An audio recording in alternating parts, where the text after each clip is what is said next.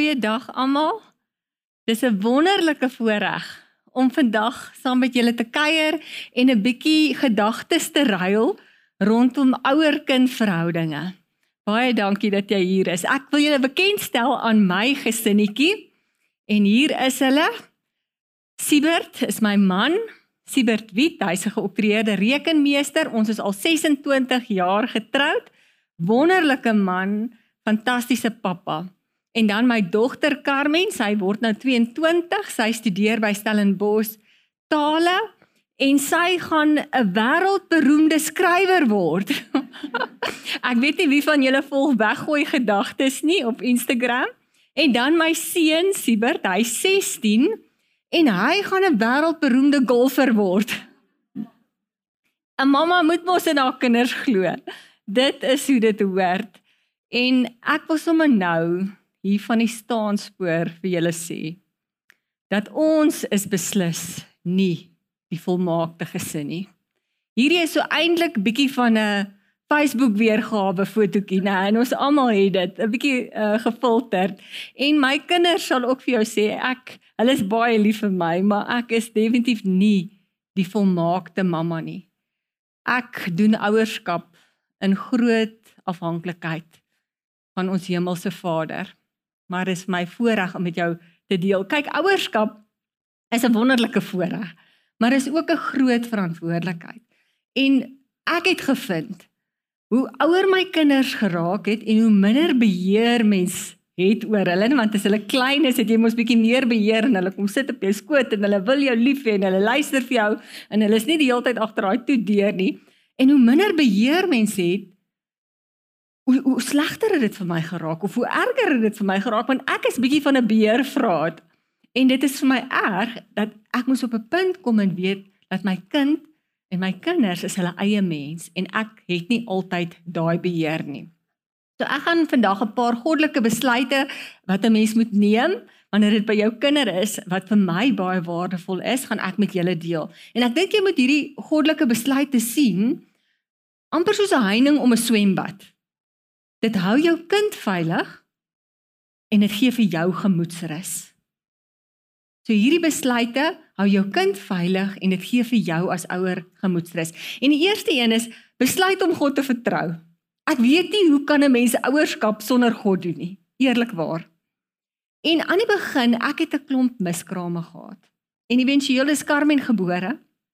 En ek was so bietjie paranoïes oor hierdie eersteling van my kyk, niemand mag haar vasgehou het nie want ek is bang hulle laat val haar. En ja, te veel so nie want net dan raak sy siek. En ek was een van daai mammas wat in die nag so oor die kot gelê het en haal sy nog asem. So ek was so 'n bietjie paranoïes geweest oor hierdie miskrame wat ek gehad het. En toe sy 6 maande oud is, toe gaan ons suidkus toe. En ons word die oggend wakker en Carmen het 'n uitslag oor haar hele lyf. En ek sê vir Siebert, ons moet onmiddellik hospitaal toe jaag. Ons kind Carmen het baba masels. En ons kom by die hospitaal daar in Maagheid en hulle ondersoek haar en die dokter kyk my so en hy sê: "Mevrou, hierdie is die suidkus.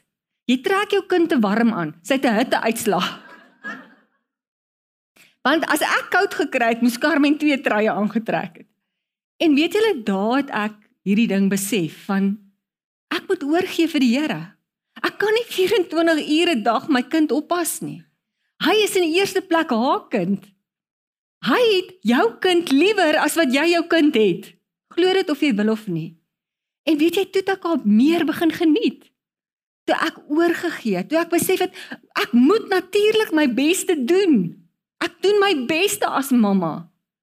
Maar gelukkig hoef ek nie my beste te vertrou nie. Ek vertrou God. En ek weet God het my kinders se toekoms in sy hand. En dit gee vir my gemoedsrus. En daarom sê ek, dis die heel eerste punt. Kyk, ons is gebroke. Ons maak foute.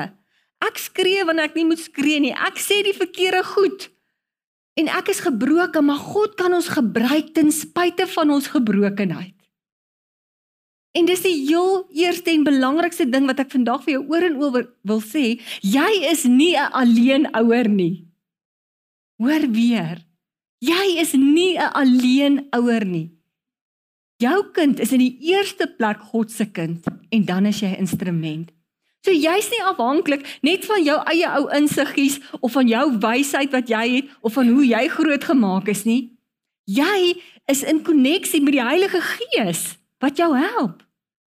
En dit is wat Heilige Gees in Grieks beteken. Dit beteken parakletos. Dis die Griekse woord vir Heilige Gees en parakletos beteken helper. Hy is jou helper. 'n Engelse predikant sê dat die Heilige Gees waken.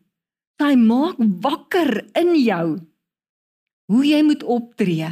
Hy gee vir jou insig. Hy gee vir jou wysheid. Hy gee vir jou energie wanneer jy nie meer kan nie. Hy gee vir jou kalmte wanneer jy jou tiener dalk wil wurg. En dit is die Heilige Gees se krag wat jy tot jou besik, beskikking het. En daarom moet ons ingeskakel wees by hom. In sy woord gee hy vir ons wonderlike wyshede. Kyk wat staan daar in Psalm 119.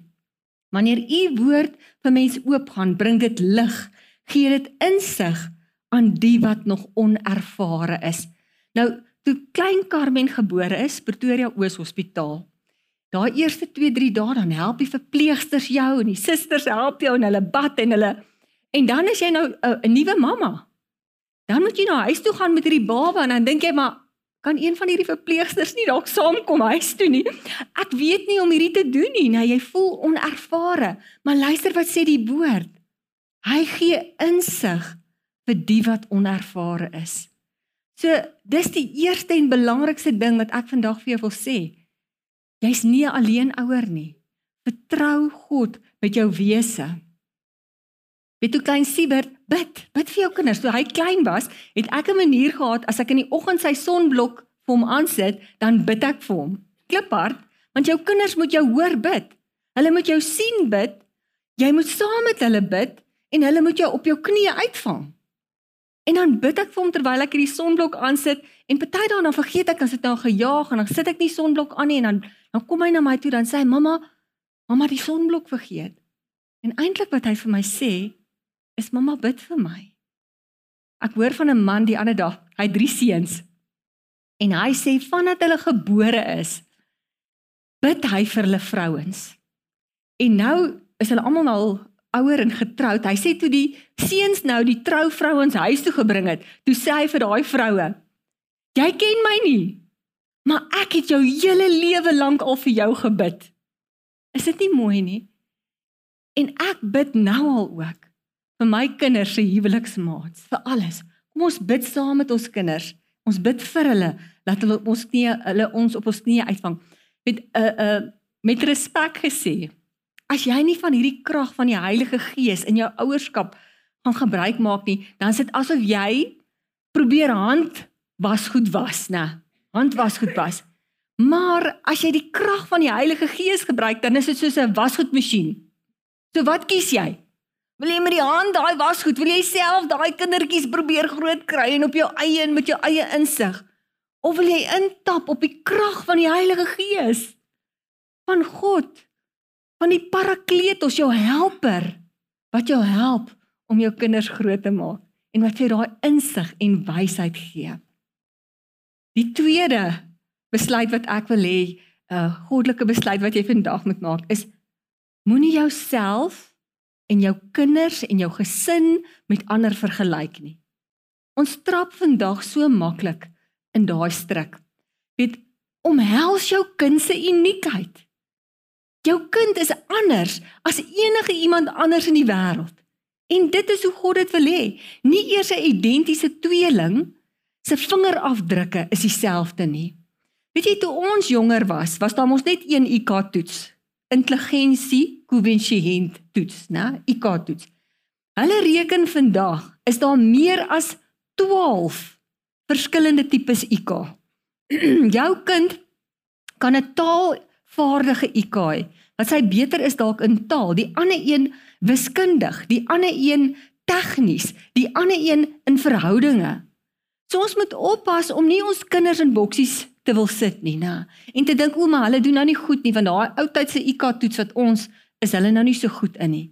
Ons kinders verskil, mense verskil en dis wonderlik. Dis wonderlik, dink net hoe vervelig sou dit gewees het as elke mens dieselfde was. God het in sy wysheid het hy besluit laat ons verskillend moet wees. Want ons moet eintlik soos Paulus sê, ons is hierdie een liggaam en elkeen het 'n ander doel. Ons is eintlik soos hierdie koor en elkeen moet 'n verskillende stem sing. Ons kan nie almal dieselfde stem sing nie. Elkeen het sy plekkie.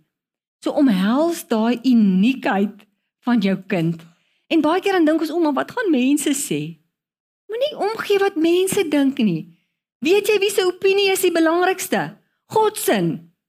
En hy het daai kind geskep soos wat hy of sy is, met daai sekere talente en gawes en dalk 'n paar tekortkominge.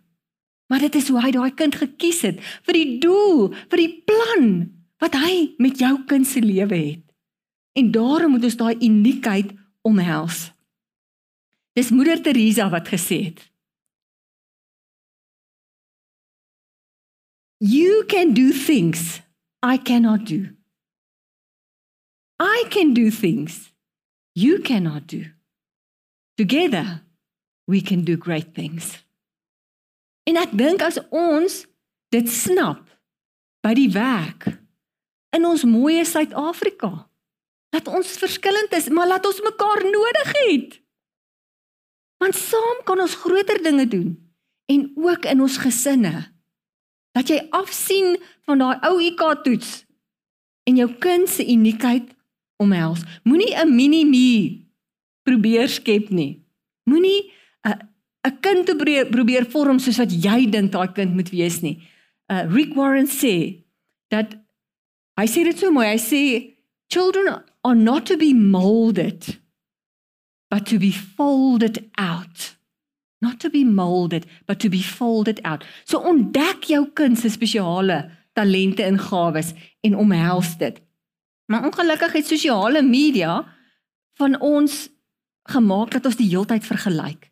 Ons is ure op ons fone besig om onsself te vergelyk met ander mense en dan tree daai onvergenoegdheid in en daai ding van hoorie ek is nie goed genoeg nie en ek moet soos daai een wees en ek moet soos hierdie een wees en eintlik het God jou uniek gemaak. Ek het nou met my navorsing vir vandag agtergekom en dit is vir my skokkend. Hulle sê jong mense, tieners is gemiddeld tussen 5 en 7 ure 'n dag op sosiale media of op hulle skerms kom ons sê eerder op hulle skerms. 7 ure 'n dag. En weet jy dat hulle reken dat jou brein, 'n jong mens, 'n tiener se brein, se voorste lobbe is nog nie volkome ontwikkel nie. So daai tiener, daai jong kind kan nog nie besluit of besef nou is dit genoeg nie. Hulle kan fisies biologies nie daai besluit, daai tot daai besef kom dat ek was nou lank genoeg op my skerm nie. En daarom moet ons hulle daarmee help en ek wil nou vir jou sê ek sukkel self daarmee. Want klein Siebert, hy's nie klein nie, hy's al 'n kop langer as ek, né? Is permanent op sosiale media of op sy skerm. So dis moeilike goed, maar dit is waar ons moet begin. Iemand sê nou die dag, jy moet jou slimfoon 'n dom foon maak. Nou hoe maak jy jou slimfoon 'n domfoon? Jy haal daai apps af wat jou tyd mors of jy, beperk jouself. Jy het so 'n uh, jy het 'n uh, skermvrye sones in jou huis. Jy laat nie 'n foon toe by etenstafel nie. So begin ons en help dit ons met daai vergelyk ding want ek ek praat nie van Facebook nie. Ek noem dit sommer fake boek. Want dit is so 'n bietjie fake, né? Want soos ek daai foto nou-nou vir julle gewys het van my gesinnetjie, ons is 'n bietjie pretendaholics, né? Ons leef bietjie gefilterde lewens. En dan kyk ons na ander mense en dan dink ons, maar dit is reëel en dit is nie. Want niemand se lewe is volmaak nie. Niemand se lewe is volmaak nie. En dan begin jy in 'n gat beland en jy vergelyk jou slegste met ander mense se beste. Want niemand gaan op sosiale media sit Ooh, Pietie het wiskunde gepluk nie. Maar almal sit op sosiale media die die medaljes, nê, en die mooi goeters. So ons moet oppas vir daai ding. Vergelyk en dan nog 'n ding. Wanneer dit kom by vergelyk, julle ken mos daar by die skool se hek. Wanneer die mammas die kinders gaan haal. Baie keer by op laerskool dan is, dit bietjie meer prominent, hè. En dan is daai mamma so begin gesels en hulle vertel van hulle kind wat nou hierdie ekstra klas vat en hulle kind wat nou vir hierdie terapie gaan en hulle en dan begin jy minderwaardig voel en jy begin jouself vergelyk en jy dink maar jy doen nie al hierdie dinge vir jou kind nie, né? So besop vir daai ding. Hou op om te vergelyk. Omhels julle gesin se uniekheid.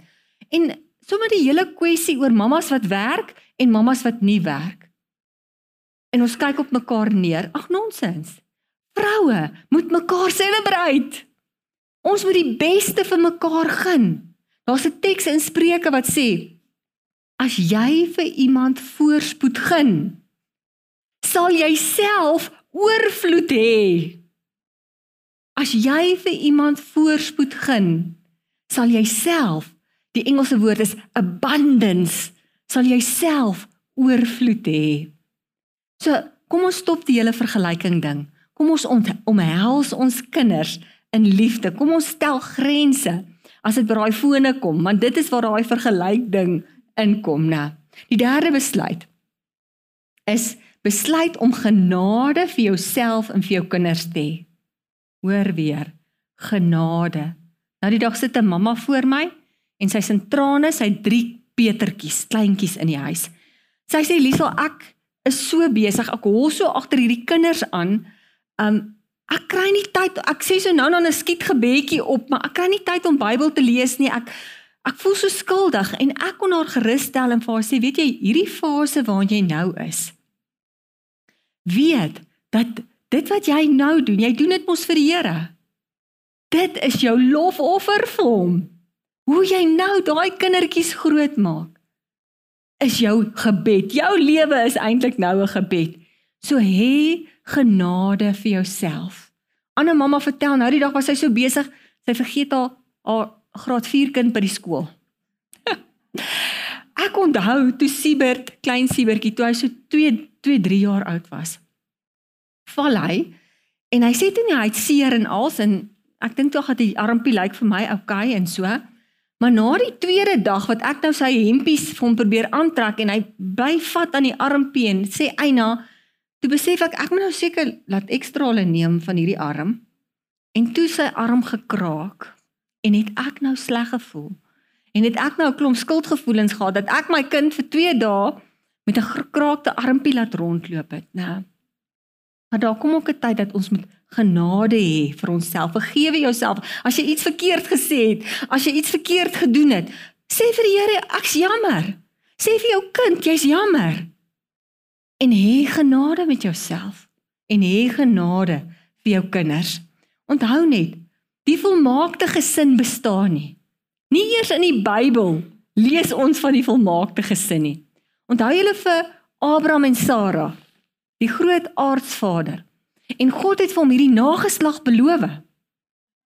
En toe dit nie gebeur nie, toe hulle nou al oud is en Sara is al in haar 90's, toe maak hulle maar hulle eie plannetjie, né? En sê nee, Abraham moet nou maar saam met die slavin slaap. O genade, né? Ons lees nie van volmaakte gesinne nie. Rebekka trek vir Jakob voor. Jakob trek vir klein Josef voor en daarom haat sy broers hom. So baie keer as ek die Ou Testament vir my kinders lees, dan wil ek 'n parental guidance op dit sit. Want daar's sulke verskriklike goed in die Ou Testament, né? Maar weet jy wat is die wonderlike? God los nie daai hand van daai kinders van hom nie. Hy los nie vir Abraham nie. Hy los nie vir Rebekka nie. Hy los nie vir Josef nie. Hy bly 'n pad stap met sy kinders. So ons is volma onvolmaak. Ons maak foute. As mammas maak ons foute. As as tieners maak ons foute. Erken dit. Hê genade vir jouself. Hê genade vir jou kinders. Ek skry so baie mense wat sê dat hulle sit met mam guilt. Miskien sit jy ook hierso met mam guilt. Mamma skuldgevoelens. Jy doen nie genoeg vir jou kind nie. Jy's nie genoeg daar vir jou kind nie, né? Onthou, jy's nie alleen ouer nie. Jou kind is in die eerste plek God se kind. Hê genade vir jou kind. Weet baie keer dan verwag dan sit ons druk op ons kinders. Onderskeiding in wiskunde. Het jy 'n onderskeiding in wiskunde gehad? Miskien het jy nou. Eerste netbalspan. Ehm um, eerste rugby span. Hulle hulle mag gebou niks speel nie, net werk. En ons sit hierdie on vir ongehoorde reëls en goed op ons kinders wat ons nie eers vir onsself het nie. So kom ons hê ook genade en ons besef die druk wat daar is. Weet jy dat genade is wat mense transformeer? Nie nie reëls en wette nie. Dit verander nie mense nie. En dis hoekom Jesus dit verkondig het. Genade verkondig mense. Ag verander mense. Dink aan die AA, waarna toe alkoholiste en mense wat afhanklik is gaan. Wat is daai eerste ding? As hulle in daai kringetjie sit, dan sê hulle ek is so en so en ek is 'n alkolikus. En dan klap almal hande en sê welkom. Daai aanvaarding is die eerste stap van verandering. Daai genade wat hulle vir daai persoon het, is die eerste stap van verandering. Nou vir ons hierdie wette en hierdie reëls en natuurlik is daar 'n plek vir reëls, né? Maar genade transformeer mense. Wanneer ek gaan dink ek kan iemand verander, ek kan my man verander, ek kan my kind verander, dan laai jy 'n baie swaar las op jouself. Want dan gaan jy begin skree, dan gaan jy begin rewards gee, dan gaan jy begin manipuleer. Genade verander mense. Genade sal daai moeilike tiener van jou verander. Aanvaarding, liefde, genade. Kom ons hê genade vir mekaar. Uh verloor eerder daai een geveggie en wen die oorlog. Wat bedoel ek daarmee? Toe die kinders nou nog jonger was, dan beklei ek oor daai de mekaar kamer, né? Nou sit ons vanaand om 'n etenstafel, ons moet nou lekker saam eet en daarna Bybelstudie doen of uit die uit die woord uit lees, maar ek het nou nou so beklei en geskree en daar's nou 'n hele atmosfeer, so ek het daai geveg hier gewen van maak jou kamer de mekaar, maar ek het eintlik die oorlog verloor. Want hier sit ons dan etenstafel en almal is boos vir mekaar. So baie keer moet jy 'n geveg verloor om die oorlog te wen. Hê genade vir jou kinders want hulle is nog besig om hulle self uit te figure. Hulle het nog 'n warboel van emosies hier binne in hulle. Daar's soveel druk by die skool. Daar's soveel vergelyking. Tieners sê genade vir jou ma, sy gaan dalk deur menopause. Dis net so erg. Dis ook 'n warboel van emosies. So kom ons hê genade vir mekaar. En balans. Hê genade vir julle gesin in terme van balans. Weet jy wat? Jou kind hoef nie elke liewe aktiwiteit onder die son te doen nie. Ek weet van mammas wat in hulle karre leef. So moet hulle rondry van die een aktiwiteit na die ander een. Stel ook grense. Hê genade ook wat dit betref vir jouself. Rus genoeg Julle geweet dat voor die gloeilamp ontwerp is, het die mens gemiddeld 11 na 12 ure 'n nag geslaap. Nou slaap ons tussen 6 en 8 ure. En weet jy wat die verskil tussen 6 en 8 ure? Wanneer dit kom by kortisol in jou bloed, kortisol is die stresshormoon, hè? Jy het, jy het 50% meer kortisol in jou bloed as jy 6 ure slaap in plaas van 8 ure. So ons moet rus. Rus is in die 10 gebooie om op die Sabbat te rus. Dit word in dieselfde asem genoem as moenie moord pleeg nie. God het gerus en die skepping het nie uitmekaar geval nie. Jy kan rus, jou huishouding gaan nie uitmekaar val nie. Ons moet rus. Kyk na jouself. Julle almal ken daai dingetjie, daai gesegde wat hulle sê op die op die vliegtye van jou maskertjie Sit eers jou eie maskertjie aan, suurstofmaskertjie, voor jy dink jy help ander mense. Want anders terwyl jy daai ander ou help, gaan jy dalk omkap, né? Want jy het nie eers jou maskertjie aangesit nie. So kyk na jouself, mamma. Tieners, kyk na jouself. Hê genade. Hê genade vir jouself. Die vierde ene. Nou hierdie is nou baie persoonlike en 'n emosionele. Nou my kind is 'n skrywer, sy het hierdie geskryf toe sy 16 of 17 was. En ek het met haar toe, toestemming, sy het gesê, "Ag mamma, ek skryf nou al baie anders as dit, maar ek het met haar toestemming dat ek nou vandag die gedig vir jou kan lees." En toe ek die gedig op afkom, uh toe sy graad 11 was, toe dit my hart gebreek. 'n Gedig vir my ma. Ek is toe nie hoofmeisie nie. Sout druppels kruip oor handpalms. Politiek praat in die gange.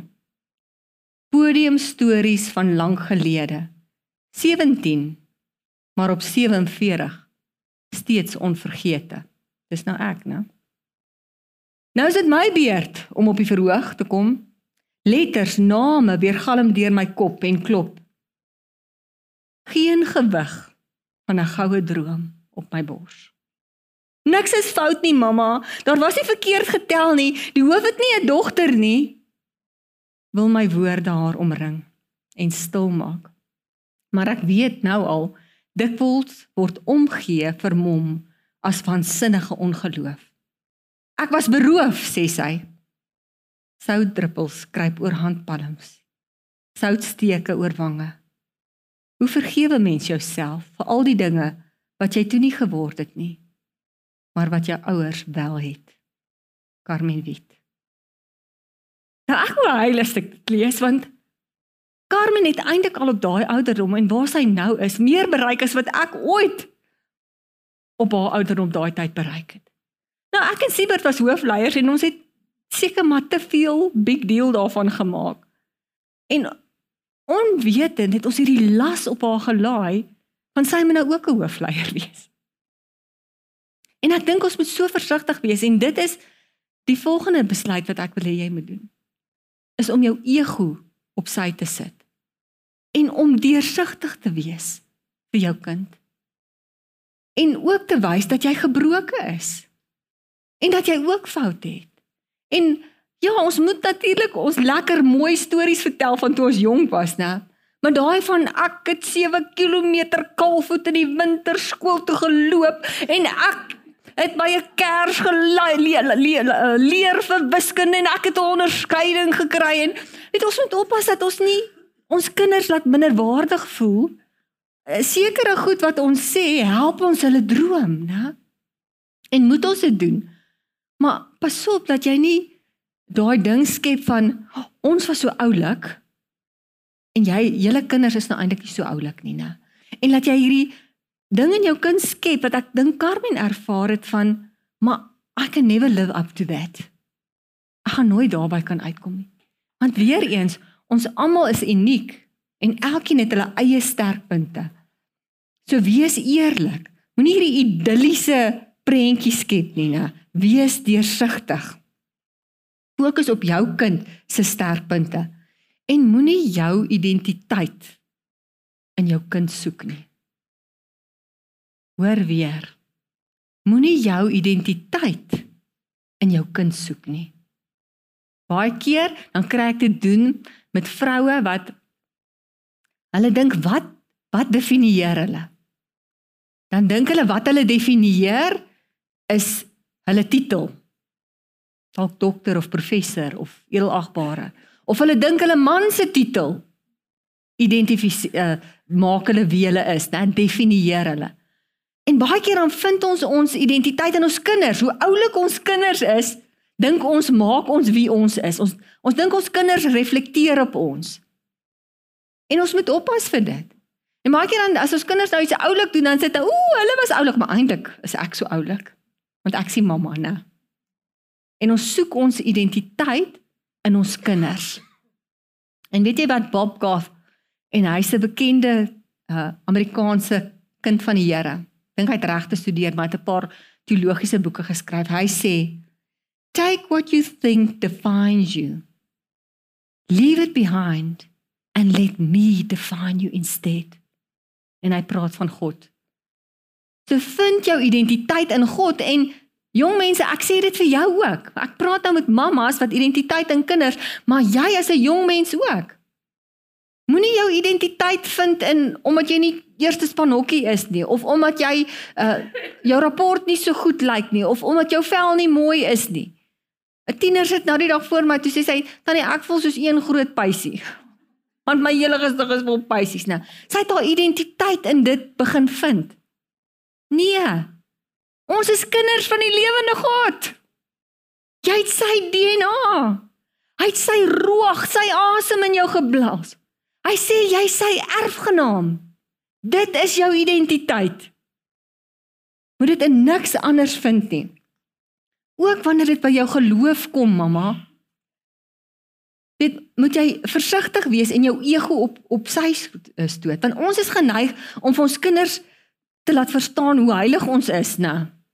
En dat ons nie foute maak nie en dat ons nie soms worstel met God nie. En dat ons nog nooit gestruikel het nie.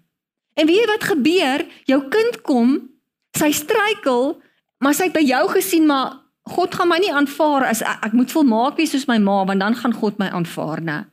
En dan verloor hulle hulle geloof. Ons sien dit so baie in die kerk. So wees deursigtig met jou kind.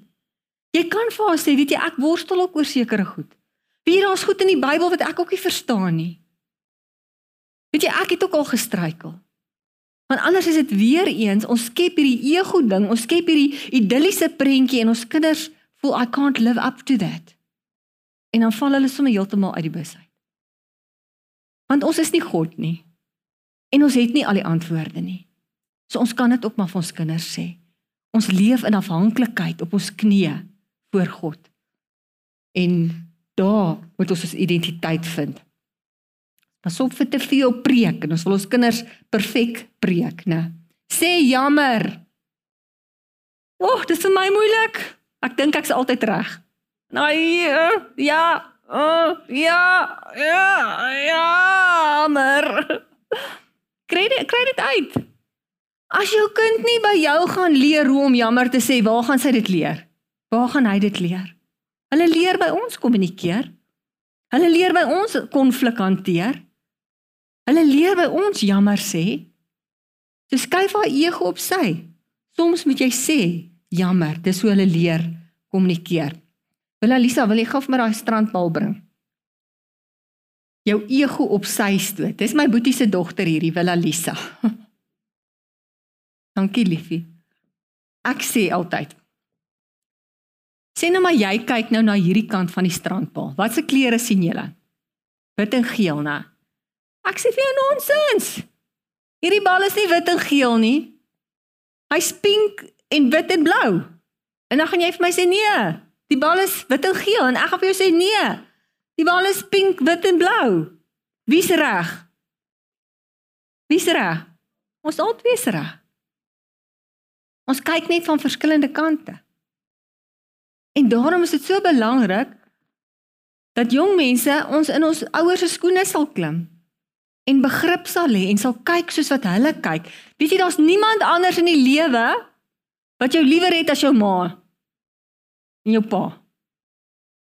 Behalwe dalk die Here of behalwe die Here, hy het jou liewer as jou ma en pa.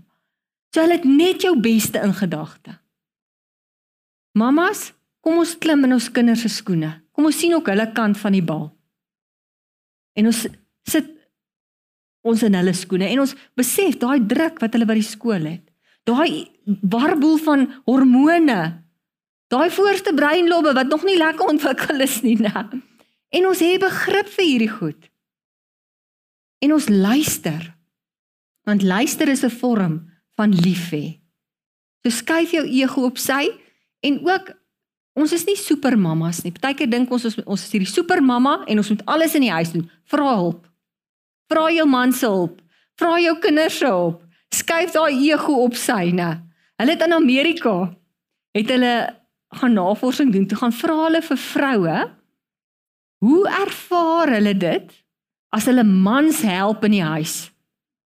Hoor weer, hoe ervaar 'n vrou dit as haar man haar help in die huis en met die kinders? Jy sê daai vrouens dit voel vir hulle soos liefkosing. Dit voel soos liefkosing as my man in die huis help. Gaan vertel dit bietjie vir jou man. En dis nie dit is navorsing wat hulle in Amerika gaan doen dit, né? Hoe vroue voel as hulle mans hulle help. Die 5de een. Besluit om probleme en bekommernisse uh in die oë te te kyk en te konfronteer. Het jy al gehoor dat as jou eersteling 'n muntstuk insluk, dan jaag jy hospitaal toe, né? En daai muntstuk, die dokter moet daai muntstuk uithaal, want jou eersteling het nou 'n muntstuk ingesluk. As die tweede kind 'n muntstuk insluk, dan klap jy hom so bietjie op die bors en jy sê ag, dit sal uitkom met 'n nommer 2. As die derde kind 'n muntstuk insluk, dan sê jy, ek trek dit van jou sakgeld af. maar ons wil baie keer nie oor moeilike goed praat nie, nou, met ons kinders. Want ons wil nie ongewild wees by ons kinders. Goed wat ons dalk pla, 'n maatjie, iets wat gebeur het. Ons wil nie konflik hê nie. Ons wil ons kinders se guns hê. En dan baie keer dan stoot ons dit onder die mat in. En ons praat nie oor daai goed nie. Maar ons moet daai goed in die oë kyk en ons moet dit konfronteer. Daai issues, daai moeilike goed, daai goed wat jou pla, mamma. Want weet jy dit is soos 'n beker. As ek nou 'n beker hier sit en hier drup water in hierdie beker. Dit gaan lank vat, maar op 'n stadium gaan daai beker vol wees. En dan dan gaan dit een druppel vat en dan loop daai beker oor. En dit gaan daai een dingetjie vat en jy ontplof. Hoekom? Want jy het nie van die begin af oor hierdie probleem gepraat wat jou pla nie. Jy stoor dit onder die mat in en later raak jy gefrustreerd en as jy weer sien ontplof jy. So ons moet ons moet praat en ons moet ons kinders leer kommunikeer. Want weet julle, ongelukkig die feit dat ons die hele tyd op fone is en die hele tyd teks, I'd rather text than talk, is jong mense se ding, hè? Het ons verleer hoe om te kommunikeer? Het ons verleer hoe om konflikte te hanteer? En daarom wanneer ons praat, dan leer ons kinders by ons hoe om te praat en hoe om konflikte te hanteer.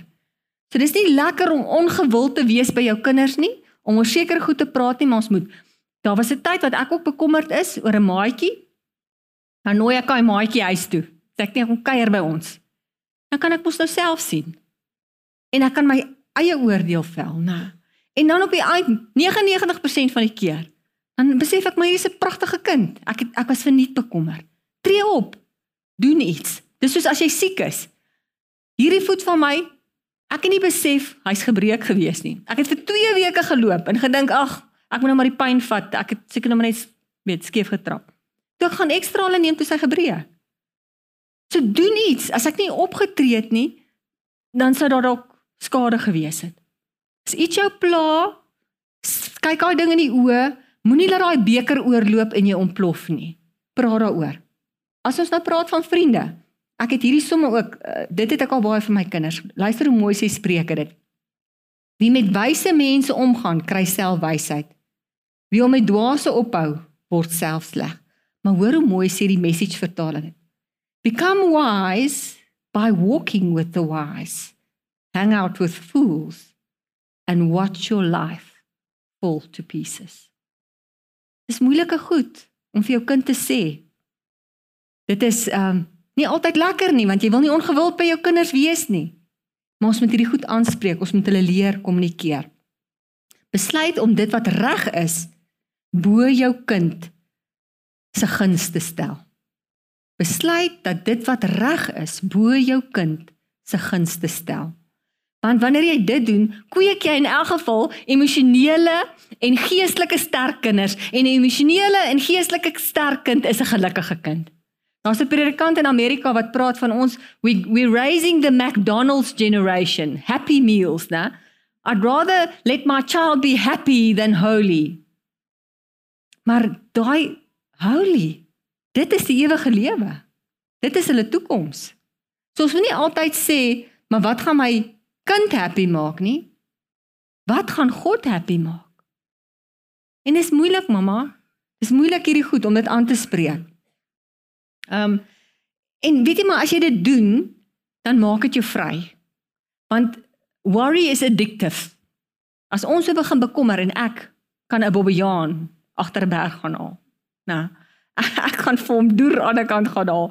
Uh my kind is laat of wat ook al en oeg, hy was hierdie ongeluk. O, oh, iemand het hom ontvoer. O, oh, en mense dink altyd die ergste, né? Maar die oomblik as jy begin praat oor goed, dan help dit jou, dan maak dit jou vry en dit help jou kind ook um hoe om te om te redeneer en hoe om te kommunikeer.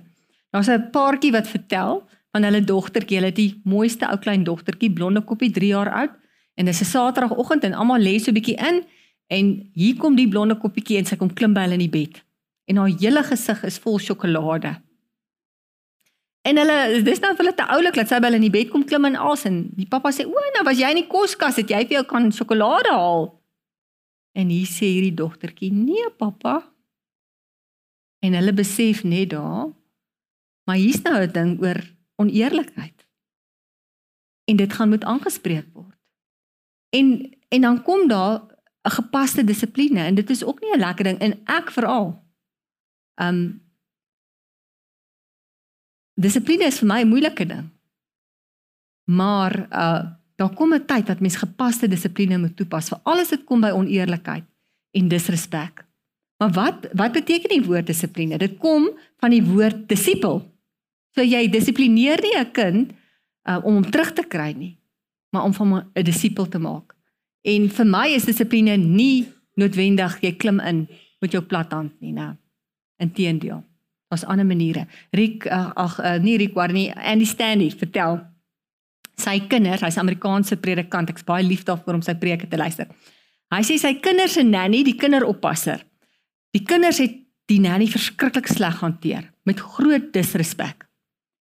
Hy sê hy en sy vrou het nou gaan sit en hulle het besef dat hier moet nou iets gedoen word. Hulle moet 'n gepaste dissipline uitdink vir hierdie optrede van hierdie kinders want dit was net absoluut onaanvaarbaar.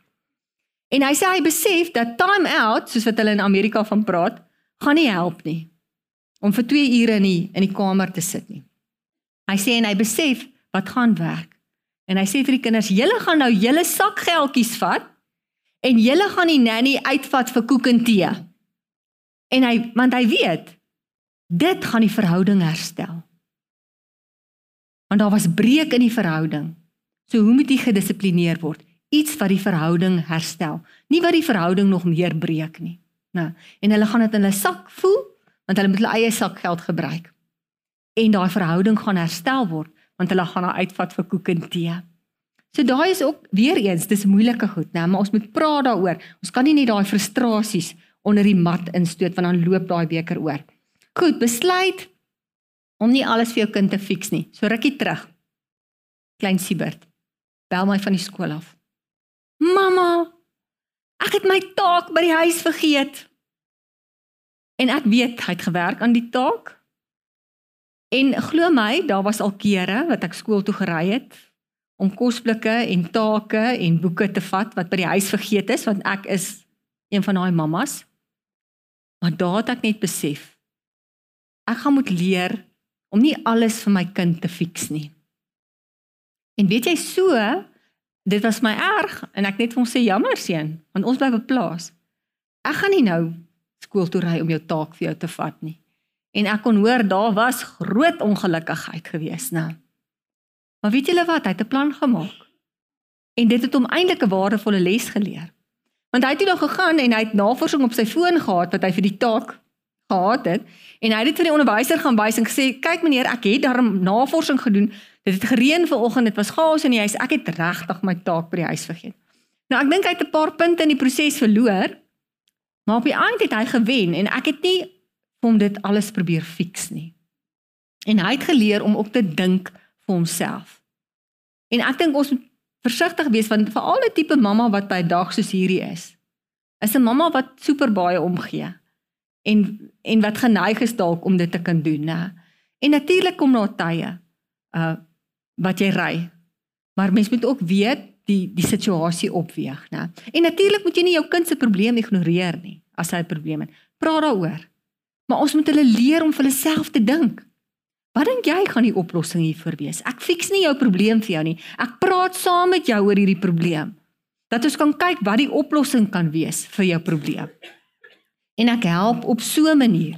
En en ek wys hulle ook eers in die begin hoe om dit te doen. Sien nou jy het 'n klein kindjie. Nou moet hierdie kind leer tande borsel.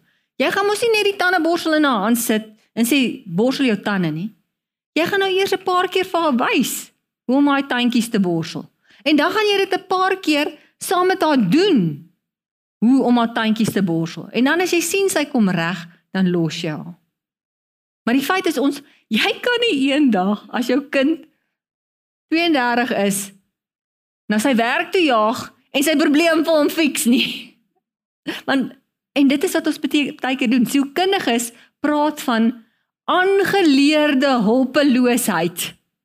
Ek dink klein Siebert neig daarna. Aangeleerde hulpeloosheid. Ek moet altyd die eier bak as ek daar is, maar ek het al gesien as ek nie daar is nie, dan kan hy se ware eier bak en kan hy sy eie kos hom maak, né? Nou ons moet oppas vir hulle. Ons moet hulle leer om vir hulle self te dink. Ons moet ook nie hulle gevoelens probeer fix nie. Net uh, en sê nou kom jou dogter by die huis en sy's in trane want die ouetjie wat sy so baie van hou het toe nou um vandag nie met haar gepraat nie. Ag, dis nou sommer simpel. Hoekom huil jy nou oor sulke goed? Nee, ons moet hulle gevoelens erken, hè. Dit is hoe ons hulle leer om deur emosies te te werk. Want hulle gaan eendag in hulle lewe allerlei emosies beleef. So leer hulle om deur daai emosies te werk. Leer hulle baie belangrik om 'n etiket om emosies te hang. Wat is dit wat ek nou voel? Voel ek oorweldig? Voel ek skaam? Uh voel ek uh, verwerp dat hulle praat daaroor.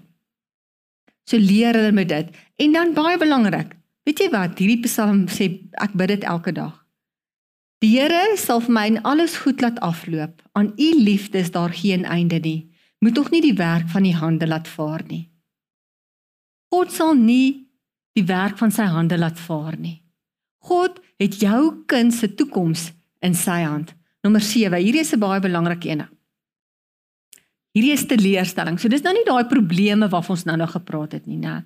Teleurstelling soos Jou kind het toe nou nie leerlingraad gemaak nie.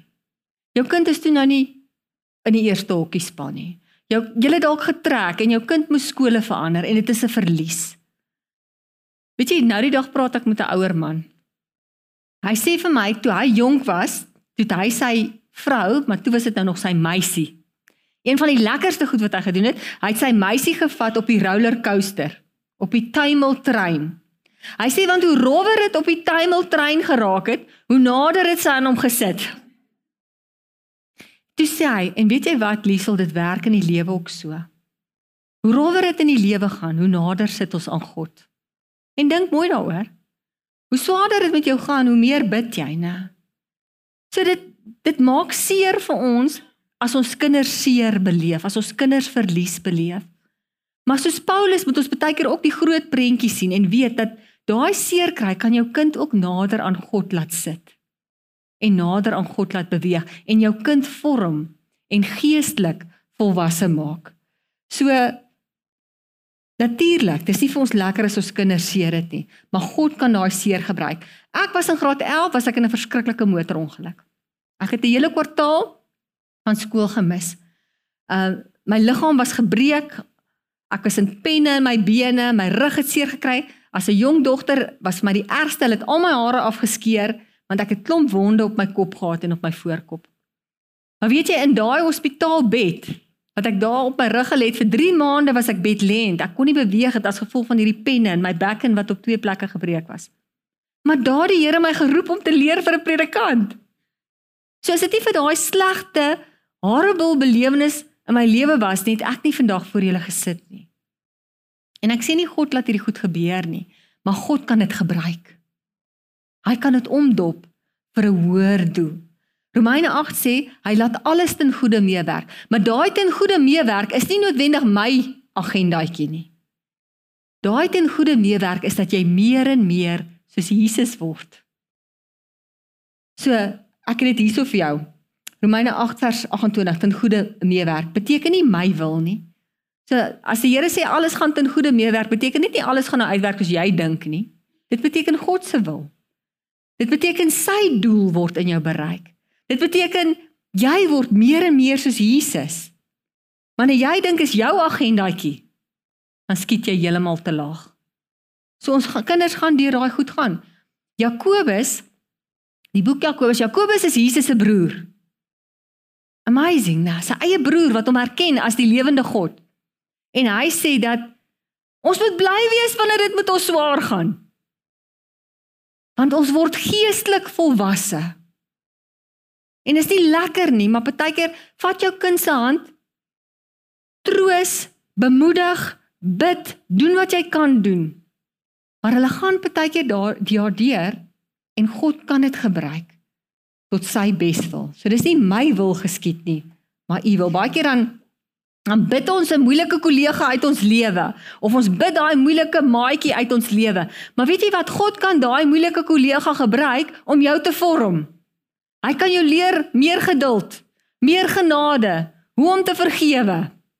So dis baie keer hoe ons na hierdie omstandighede moet kyk, né?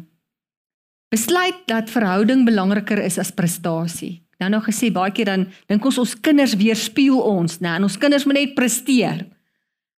Ek hoor van 'n dorp in Amerika, daar loop 'n treinspoor deur die dorp. Hulle het 24 uur polisiebewaking by daai treinspoor. Hoekom? Omdat soveel jong mense daar selfmoord pleeg. Spring voor die trein in. Nou moes hulle polisieman daar sit. En toe hulle gaan navorsing doen, toe kom hulle agter dis die druk waaronder jong jong mense is. So daai prestasie ding sit verhouding bo prestasie. Party ouers het Hulle praat van project parenting. Jou kind is jou projekkie, né? Jou kind is jou trofeetjie. So jy preek solid 24 ure 'n dag. Klink so bietjie soos ek. En jou kind moet volmaak wees want jy het hierdie projekkie, né? Verhouding is belangriker. Verhouding is belangriker. Onthou, jy's nie perfek nie. So hoe kan jy van jou kind verwag om perfek te wees? Want jy is dan nie perfek nie, né? Daai verhouding is so belangrik. Um en verhouding spel tyd. En ons almal is besig. Ons kinders is besig. Ons is besig. Maar iemand het eendag gesê as jy nie gaan tyd maak nie, gaan jy later ook nie meer tyd hê vir mekaar nie. So maak tyd. Goue oomblikke, daar's baie navorsing oor dit gedoen. Etenstafel. Daar is wat jy verhouding bou. Probeer ten minste 3-4 kere 'n week saam om 'n etenstafel kuier. Navorsing toon gesinne wat 4 keer 'n week saam eet, se kinders is 40% minder afhanklik van drank, dwelms, selfmoord. Hulle tot hulle woordeskat is beter. Net saam eet. Onthou Jesus het heeltyd saam mense geëet. Maak tyd om saam te eet. Interessante navorsing. 20, 30, 50 jaar terug het ons 90 minute aand aandete geëet. Nou eet ons 12 minute aand gemiddeld en baie keer voor die TV. So maak tyd. Daai in die oggende. Daai koppie koffie net terwyl jy vinnig daar by jou kind sit, al wakker maak daai koffietjie. Hoe lyk jou dag? Kom ons visioneer jou dag. Dink wat gaan vandag gebeur? Waarvoor kan ek vir jou bid vir hierdie dag? En in die einde van die in die aand, dan sê jy julle dankie daarvoor. Dit wys jy stel belang. Dit bou verhouding.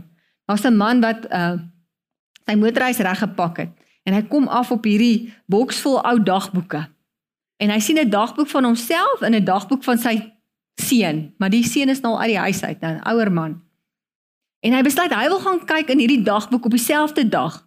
Wat het die kind geskryf? Sy seun toe hy nou jonger was en wat het hy geskryf? Hy het geskryf die ouer man, ons het gaan visvang. Dit het begin reën, was 'n mors van tyd. Hy lees in sy seun se boek Ek en my pa het gaan visvang. Was die beste dag van my lewe.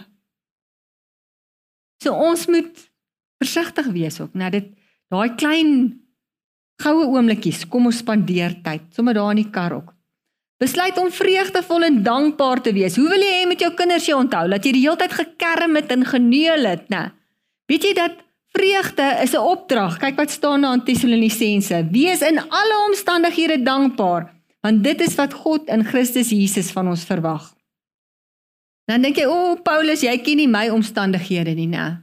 Ek is 'n enkel mamma." Paulus sit in die tronk toe hy dit skryf. Hy geslaan, hy's gegeesel. Hy's vervolg en hy sê wees bly in alle omstandighede, wees dankbaar. Sit in die aand aan tafel, dis 'n lekker gewoonte wat ons het en sê noem 2 of 3 goed wat wat vandag gebeur het waarvoor jy dankbaar is. En weet jy daai dankbaarheid, navorsing toon dit. As jy so saam oor dinge gesels wat jy voor dankbaar is, dan maak dit jou 'n gelukkiger mens. Uh en jy vaar beter. Die psalmdigter sê: Dis goed om die Here te loof, om U naam te besing allerhoogste en elke môre van die liefde te getuig en elke aand van die trou. Hoor hoe mooi Psalm 27. Een ding het ek van die Here gevra en dit sal ek bly nastreef om my hele lewe lank in die huis van die Here te woon en om die lieflikhede van die Here te aanskou. Daai lieflikhede. Kom ons skep momente in ons huis, vreugdesmomente, dankbaarheidsmomente. Uh kom ons wees gelukkig en bly. Humor, hoe belangrik is humor? Hoor hierso, hier's 'n vinnige staaltjie. Hierdie man, hy daar verskyn 'n vuurtjie aan hom. Vuurtjie sê vir môre jy kan enige iets wens. Wat wens jy? Hy sê ja, sy vrou, alles begin nou 'n bietjie hang en so, weet. Hy wens hy kan 'n vrou hê wat 20 jaar jonger is as hy. Bietjie sê, "Oef." En hier's hierdie man wat 50 was, ewe skielik 70. En toe is hy wat 20 jaar jonger is hy nou. Sommige bietjie humor, dit laat jou kilojoules ver skep humor oomblikke, pret oomblikke in jou huis. Weet jy, jy's dalk 'n CEO, 'n prokureur, 'n dokter, onderwyser, 'n PA. Daai goed kan alles vervang word. Niemand kan jou as mamma vervang nie. Niemand kan jou as mamma vervang nie. Niemand het al ooit op hulle sterfbed gelê, ek's 'n predikant. Ek staan baie keer langs mense se sterfbed en gesê, ek wens ek het meer tyd op kantoor spandeer. Niemand sê dit op hulle sterfbed nie. Hulle spyt oor die tye wat hulle gemis het. As jy dankbare kinders wil skep, doen uitreik werk. Ons het daar by ons kerk kampkeer Ons het klomp plakkerskampe om ons wit en swart daar op die plotte uit en ons vat ons belydensklas kinders en selfs die jonger kinders en ons gaan verf kleuterskole, ons gaan maak groentetuine. Dis die vinnigste wat jy jou kind se attitude net so verander as hulle betrokke raak by welsynswerk.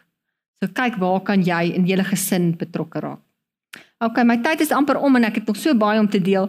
Die 10de ene is besluit om hoop vir jou kinders uit te deel. Weet jy, um Ons kinders het hoop nodig. En as jy die heeltyd in jou man aan die etenstafel gaan vertel hoe Suid-Afrika besig is om in mekaar te val en hier's geen toekoms in Suid-Afrika nie. Wat se effek dink jy gaan dit op jou kinders hê? Jy steel hulle toekoms en jy steel hulle drome. Ons land het probleme. Kom ons vra eerder, hoe kan ons deel wees van die oplossing? Hoe kan ons Suid-Afrika 'n beter plek maak? Hoe kan ons betrokke wees en 'n verskil maak? Wat is jou gawes wat jy het? Pas op wat jy sê. Want jou jou woorde is soos tandepasta. As ek met die hoërskole kinders praat, dan wys ek altyd hierdie foto van die tandepasta. Dan sê ek nou, as ek nou daai tandepasta wil terugdruk, gaan ek dit terugkry. Nee, dis gemors, né? En dis hoe ons woorde is. As dit gesê is, is dit gesê. En ons woorde kan soos vuishoue wees in mamma se se maagie en in jou maag, mamma. So jong mense pas op, daai ek haat jou mamma. Jy besef nie hoe seer dit maak nie. En mamma, dit wat jy sê, baie keer dan sê ons ook goed onnadenkend. Ons kinders se breine is nog nie ontwikkel om te verstaan, hoorie ek het 'n moeilike dag by die werk gehad. Hoorie, dit gaan regtig sleg met my nie. So ons moet hoop skep met ons woorde. Ons moet Jesus praat met ons woorde. Die wêreld vertel vir ons kinders, hulle is nie goed genoeg nie. Hulle is nie slim genoeg nie. Hulle is nie mooi genoeg nie. Hulle So ek en jy moet ons kinders se grootste cheerleaders wees. Over celebrate and under criticize. Want daar's te veel daar buite wat hulle aftrek. Wees lief vir jou man. Weet jy dis die grootste geskenk wat jy kan gee vir jou kind. Is 'n gesonde huwelik. Maak tyd. Moenie laat jou kinders al die tyd opneem dat jy jou huwelik so afskeep dat daar niks van julle huwelik oor is as jou kinders by die huis uit is nie. En hulle moet ook weet. Partykeer dan veraf God ons ons kinders, né? En hulle dink hulle is die middelpunt van die hele wêreld en hulle is die middelpunt van hierdie gesin.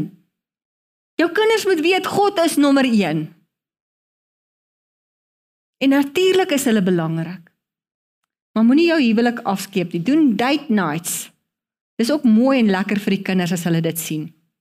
En dan die laaste een waarmee ek wil afsluit is besluit dat God dat jou kinders God meer nodig het as enigiets anders. Dit is ewige lewe perspektief julle. Hierdie lewe, ek is 'n predikant, elke nou en dan begrawe ek iemand. En wanneer ek by daai kerk wegry, dan besef ek net die lewe is so kort. En hierdie lewetjie is eintlik maar net 'n stippel in die tydlyn van die ewigheid. Dit gaan so verby. En dan lewe jy vir ewig. En ons moet daai ewigheidsperspektief, dat hulle besef hoe belangrik is God in hulle lewens, dat hulle besef wat ewigheidswaarde is. Weet jy ons ry ons kinders rond na ekstra wiskunde en rugby klasse en weet nie wat alles nie, maar ons skeep daai heel belangrikste ding skeep ons af. Ons kinders se ewige lewe. Om hulle bekend te stel aan aan God, aan Jesus, om hulle lief te maak vir Jesus. Dit is die heel belangrikste ding. En ons skenk die heel minste aandag daaraan. Daar daar's 'n man wat vertel 'n ware verhaal. In Los Angeles in Amerika, hulle het ons baie aardbewings daar. En elke nou en dan. En dit was 3:00 die oggend gewees en daar was 'n aardbewing en dit was pikdonker sê hy en hy ry op 'n snelweg. En hy sê daar's so 2 of 3 karre op die pad, maar hy kom iets vreemds agter. Terwyl hy so ry en nou sit alles pikdonker om hom en hy sien nou die twee rooi liggies van die kar voor hom. Ewe skielik hier verdwyn die kar. En hy dink, "Wat? Dis vreemd." En hy ry al hoe stadiger. En toe raak kom te besef hy maar die brug het in mekaar getuimel en daai kar het nou daar afgestort. En hy parkeer sy kar daar langs die pad en hy begin want daar kom nog 'n kar aan soos 'n mal ding skree. Pasop, weet en hierdie ouens steur hulle nie aan hierdie mal ou langs die pad nie. Ons stop mos nie meer vir mense langs die pad nie. En hier val sy kar ook daar af. En hy sien hier kom 'n bus aan en hy besef nou moet hy 'n plan maak en hy gaan staan letterlik spring vir daai bus in. En die bus stop en die ou sê vir Marie, "Is jy nou laf? Wat is bekeer jy?" Hy sê, "Hoorie, die brug het in mekaar getuimel." En hulle parkeer toe die bus so om te keer dat daar nog karre daar aftuimel. Maar baie keer dan moet ons ook radikale goed doen net laat ons kinders se lewens nie ontspoor nie. En daardie aand, jy moet kry wat vir jou werk. Ons kyk Chosen. Weet jy of jy al gehoor het van dit nie? Dit is 'n video reeks wat Jesus se se se verhaal vertel die evangelies en hoe hy sy disippels gekies het. Dit is briljant. Julle daar is soveel amazing goed daar buite. Jy jy hoef nie in die aand 'n teksie vir jou kind te lees en dan te bid net nie. Jy kan video's kyk. Daar's speletjies, bordspeletjies. Daar's soveel goed wat mens kan doen. WhatsApps wat jy as gesinnetjie op jou op jou gesinnetjie WhatsApp kan sit en vanaand praat ons oor daai teks. Ek, ek dink nou sommer aan Johan Smit se Vita Amp videoetjies kort 3 minute goed wat jy gou aan tafel kan. Ons moet hierdie goed doen. As ons dit nie intentioneel gaan doen nie, daar's 'n wêreld daar buite wat vir ons kinders ander goed gaan vertel. Hulle moet in ons lewens sien God verander ons. Dit help ook nie ons predik een ding en ons leef op 'n ander manier nie, né? Want dan maak ons 'n vals geloof voor. Nou die aand sê wat nee, o, hy kan nie chosen kyk nie, hy skryf wiskunde. Ek sê hoorie, Boeta, Sorry nou, maar jy kan maar wiskunde dryp. Ons gaan Chosen kyk. hy was so geskok dat sy ma sê hy kan maar wiskunde dryp, né? En ek ek wil mens moet nie wetties wees. Ek sê nie jy moet wetties wees oor hierdie goed nie, né? Maar ons sal moet intentioneel raak. Ons moet ons kinders kerk toe vat. Al lê jou kind, iemand het 'n ding geskryf. Ek het dit hierso. Um weet nie of jy op die skerm wil sit nie. Uh bring jou kind kerk toe, né? Al lê hulle op die vloer, al moet die goudvis saamkom in sy bak. Al moet jy vir hom 'n syfstokkie gee dat hy stil sit. Laat hulle jou sien aanbid. Laat hulle jou sien sing vir God. Laat hulle sien hoe jy soms met jou geloof worstel, want die lewe is hard. Laat hulle jou sien bid. Want as hulle dit nie by jou sien nie, waar gaan hulle dit sien? Wie gaan hulle voorbeeld wees? Jesus het gesê, bring die kindertjies na my toe. Wees intentioneel. Onthou. Ek het nie hierdie goed gesê vandag om jou meer skuldig te laat voel nie. Onthou daai ding van meer genade. Ons almal leer en jy's nie 'n alleen ouer nie. Nou die dag preek ek oor Romeine 8:28 wat sê: "Partykeer weet ons nie hoe en wat om te bid nie." En weet jy wat gebeur dan? Dan tree die Heilige Gees vir jou in en bid namens jou.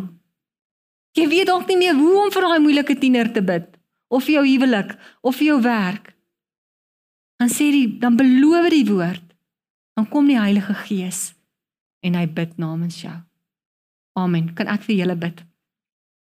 Here, dankie vir die pragtige mammas en dogters voor my. Ag Here, dat dit wat ons gehoor het wortel skiet in ons harte. Dis moeilik. Ons weet baie van hierdie goed, maar dis moeilik om dit te word. En as die verkeerde knoppies gedruk word, dan sê ons weer die verkeerde goed. Verander ons harte, Here. Hê genade vir ons en laat ons vir onsself en vir ons kinders en ons gesinne ook genade hê. Laat ons onsself nie vergelyk nie, laat ons ons uniekheid omhels. Ag alles wat ek nou gesê het, Here, maar bovenal dat ons sal besef wat die belangrikste is. Ons doel as ouers is dat ons ons kinders aan U sal voorstel. Ons geloofstories met hulle sal deel. Help ons daarmee, Here. Ek bid dit in Jesus se naam. Amen.